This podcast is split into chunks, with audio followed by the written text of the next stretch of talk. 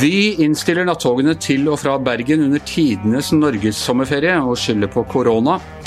Og Trumps tidligere forsvarsminister Jim Madog Mattis vender seg mot ham, sier presidenten er den første presidenten i hans levetid som prøver å splitte istedenfor å forene folket. Dette er eh, Giæver og gjengen, og det er eh, torsdag den 4. juni.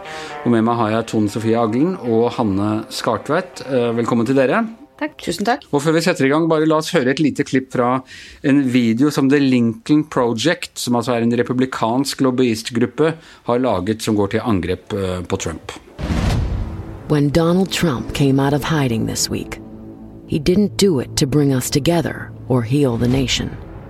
He wasn't there to offer words of calm and comfort. Instead, he became what we always feared, evoked the worst of our past. This is a time for choosing America or Trump.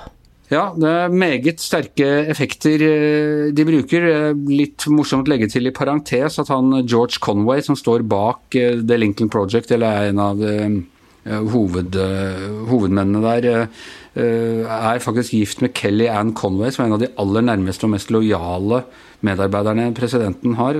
Kan ikke du som har bodd i Washington og skjønner litt av sånn The Beltway Politics, forklare oss hvordan dette henger sammen, Hanne? Jeg skulle gjerne sittet ved frokostbordet deres, men det er ikke det første power couple som har vært sånn. James Carwell, som var en av Bill Clintons nærmeste, var gift med eh, Nå husker jeg ikke i farten hva hun het, men altså ja, men, ja, Republikanernes veldig sterke ja. talskvinne. Og de, de opptrådte jo sammen i sånne søndagsshow på amerikansk TV, disse politiske showene på søndag formiddag, og krangla så busta føyk. Eh, men Trump har jo også vært veldig hard med Kellyanne Conwells mann. Hater han, men eh, jobber tett sammen med kona. Så det er en interessant konstellasjon. La meg gjette, han mener at George Conway er overrated. Minst det. Fordi vi våknet jo i dag eh, til nyhetene om at en artikkel i The Atlantic skrevet av Jim Maddog Mattis, en av USAs stødigste generaler, en mann som overrasket en del ved å gå inn og være, bli forsvarsminister eh, for Trump. Og var litt sånn, sånne som oss, Hanne, som trodde at, at stillingen og embetet liksom skulle disiplinere Trump etter hvert. Så var han litt et, et signal på det. Han øh, tydet på at det liksom skulle være en slags stø kurs oppi det hele. Og han så det nok sånn selv også. Vi så jo særlig i begynnelsen av Donald Trumps presidentperiode, så var det jo veldig mange hva skal vi si, skikkelig folk solide republikanere som gikk inn og Selv om mange av dem tror jeg også hadde vært veldig skeptiske til Trump gjennom valgkampen, så tror jeg de så at det var at de måtte tjene landet sitt, rett og slett. At de måtte ta ansvar for nasjonens interesser i en tid hvor de fikk en president som de, nok, de aller, aller fleste av dem var veldig veldig skeptiske til. Men så ser vi jo hvordan Trump har pælma ut den ene etter den andre. og skjelt dem ut etter noter. Det er ikke sikkert det er like mange av de som eh, ønsker å tjene nasjonen, som nå ønsker å utsette seg for det som disse har gjort tidligere. Og det han alltid sier er at de er eh, overrated, altså de er overvurderte. Og jeg må jo også da nevne at han hele tiden eh, sa at han, han ville hyre de aller beste folka. Det var sånn han skulle. Han var businessmann, han var ikke så opptatt av liksom hvor folk sto ideologisk, bare de var gode til, til å ta seg av businessen i sitt felt men de har jo stort sett forsvunnet ut alle sammen. Så da betyr det at han har ikke lenger de beste folka rundt seg. Nei, jeg tror at det vil være en betydelig skepsis, eh, og det tror jeg mange forutsa også. at eh, at er en betydelig skeptisk til å gå inn og serve your country, som de sier, når du vet hvordan det går. Han lovpriser dem idet de kommer inn, og når han er lei av dem, eller de gjør et eller annet han ikke liker, så skjeller han dem ut etter noter. Så at jeg syns jo man ser at det er ikke det er ikke like, folk med sterk, like sterk integritet nå som går inn og tjenestegjør og sånn, som det det var i den tidlige fasen. Må man jo si at man kan jo skjønne at han ikke likte så veldig godt det Mattis sa man, og det er jo på mange måter en, en illojal, et illojalt utspill fra en som har vært en såpass uh, nær medarbeider? Absolutt, men jeg tror, at, jeg tror, en del av de menneskene som nettopp har gått inn og gjort en jobb, uh, og nå ser hvordan det går, at de føler et ansvar videre for å serve the nation, da, med å si klart ifra hva de mener. For altfor lenge så har det vært republikanere som har holdt kjeft som har godtatt det ene etter det andre, som har spilt med Trumps toner hele veien uten å protestere. Og nå tror jeg en del begynner å kjenne at de, de har et ansvar for å si fra, som det vi har sett i dag med Mattis. Men hvis eh, Trump vinner igjen, da blir det rett i gulag eh, Eller da, da blir det ikke noe moro å være dem etter, eh, etter valget etterpå. Da er de ferdige, er det ikke? Jo jo, er du gæren. Det er klart, da er de ferdige. Men det må de jo gjøre regninger med også.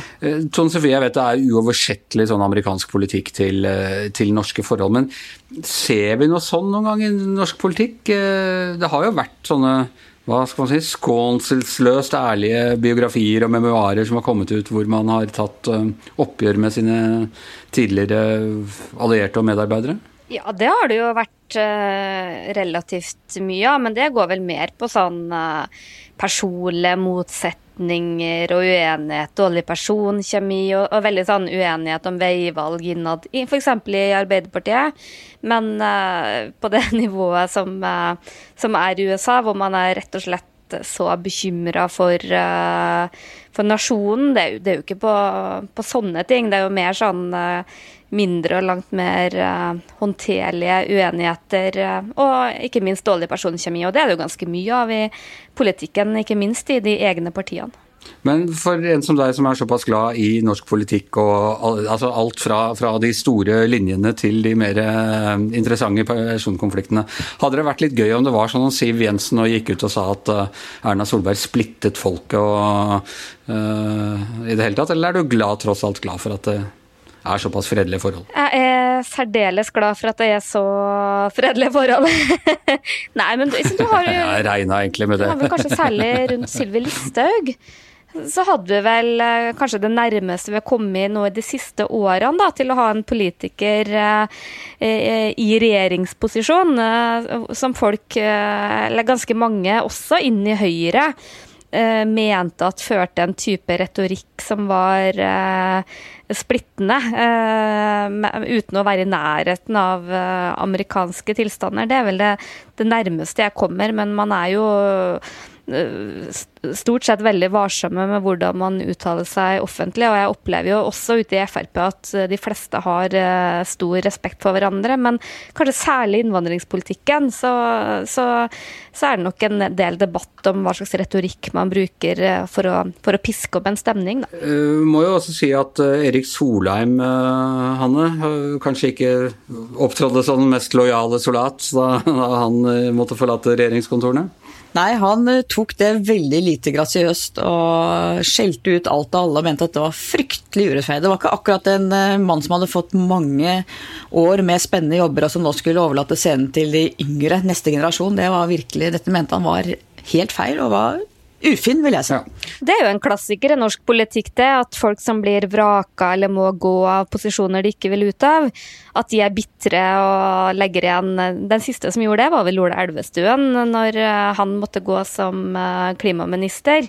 Men eh, derfra til til det vi nå ser i USA, er jo et eh, betydelig stykke. Jeg tror veldig mye av det tilskrives litt sånn, eh, litt sånn såre følelser, og at man, man sjøl mener at man hadde vært i stand til å gjøre en eh, god jobb, men blir vraka av, av urettferdige grunner. Da. Det tror jeg er veldig menneskelig. Ja, For at det skal være sammenlignbart, så mangler vi et Oslo i flammer og Erna som bruker tåregass og gummikuler for å marsjere til domkirken og posere med, med Bibelen eller noe sånt. Men det får bli senere. Du, eh, fin overgang til det noe mindre dramatiske i norsk politikk, men allikevel en sak som engasjerte sterkt på morgenmøtet i VGs leder- og kommentaravdeling i dag. Og det er at Vy innstiller nattogene til og fra Bergen. Eh, nå i en sommerferie, vi vet at flere skal feriere i, flere nordmenn i hvert fall skal feriere i Norge enn på veldig mange år. Og eh, de skylder på koronaen på, egentlig på to måter. Det ene kan man jo på en måte henger en slags logikk i at de har hatt nedgang, og dermed har de dårligere råd, og da kan de ikke bemanne så mye nedgang i besøket. Men det andre er at det er så stor hva var det, Tone Sofie, kontaktflate på disse nattogene at det er eh, uforsvarlig rent sånn smittevernsmessig. Ja, og eh, på den ene sida at, at at, trafikken på togene har gått kraftig ned, det er jo helt åpenbart. Og det er ikke lett å drive kollektivtrafikk nå om dagen. Men at uh, kontaktflatene på nattoget er så mye større enn på alle mulige andre. Det høres ut som at det bare føyer seg en rekke av de mange som bruker korona som en sånn unnskyldning for å, for å kvitte seg med noe, eller avvikle noe som man egentlig eh, ikke er så interessert i. Og i hvert fall litt av grunnen til det jeg hissa meg veldig opp over det Vy, og ikke bare Vy, altså. Go Ahead på Sørlandsbanen gjør jo det samme. Også på Dovrebanen så er det SJ, svenskene, som eh, reduserer, men de har nattog fredag og søndag, da. Eh, det er jo litt sånn uoversiktlig å holde orden på hvem som kjører tog i Norge nå. Men, uh, men, men, men vi har jo lenge nedprioritert nattog sterkt. Eh, vi har jo avvikla alt som er nattog ut av eh, Norge til Europa, som det var før.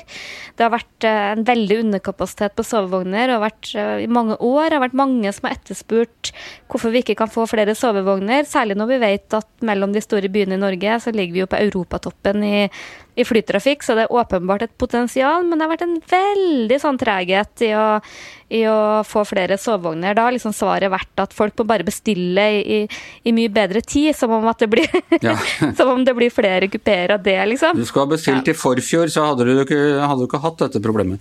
Ja, nei, og det, det er også en, føler jeg en sånn frustrasjon der, nærmest sånn emosjonell. Hvorfor skal det aldri bli greie på disse tingene her? Altså, alle er enige om at tog er en av de mest miljøvennlige måtene å reise på. Vi har et utbygd jernbanenett som vi har pøst milliarder inn i, og så er det altså hele tiden Og så nå skal det komme nye løsninger og etter at ting har kommet på anbud, og i det hele tatt, så skal det begynne å gå mye oftere og skje mye mer. Og så blir det altså stadig sånne nedbyggingsting. Ja, Norge og tog er jo et uh, sorgens kapittel, men, men, det de gjør nå, da, det er på en måte så ekstra tragisk. Uh, for det, det er jo ikke tvil om at uh, at de taper mye penger. Eh, men problemet er jo at koronasituasjonen er jo, den er jo midlertidig. Men reisevanene våre kan jo fort endres eh, eh, for lang tid. Og det jeg er bekymra for, er jo at folk i mye større grad vil bruke bil heretter, når vi nå først har vent oss til det igjen.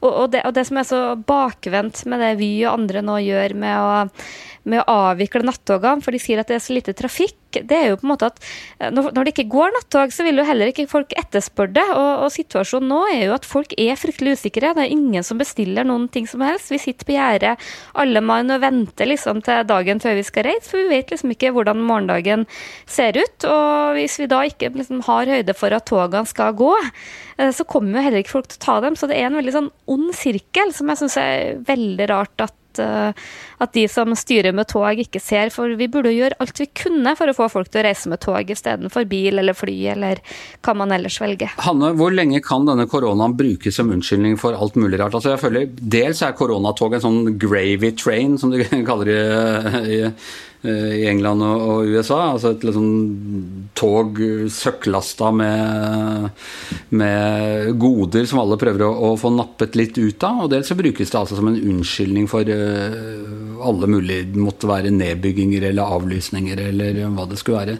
Når, uh, når klarer vi liksom å uh, finne den rette balansen mellom hva som er fornuftig smittevern og fornuftig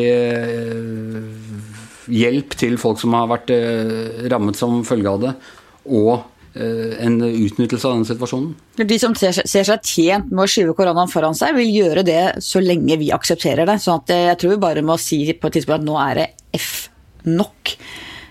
For at jeg er helt enig med Tone Sofie at man bruker liksom koronaen for å unnskylde at man ikke har nattog i Norge. Det er helt ja.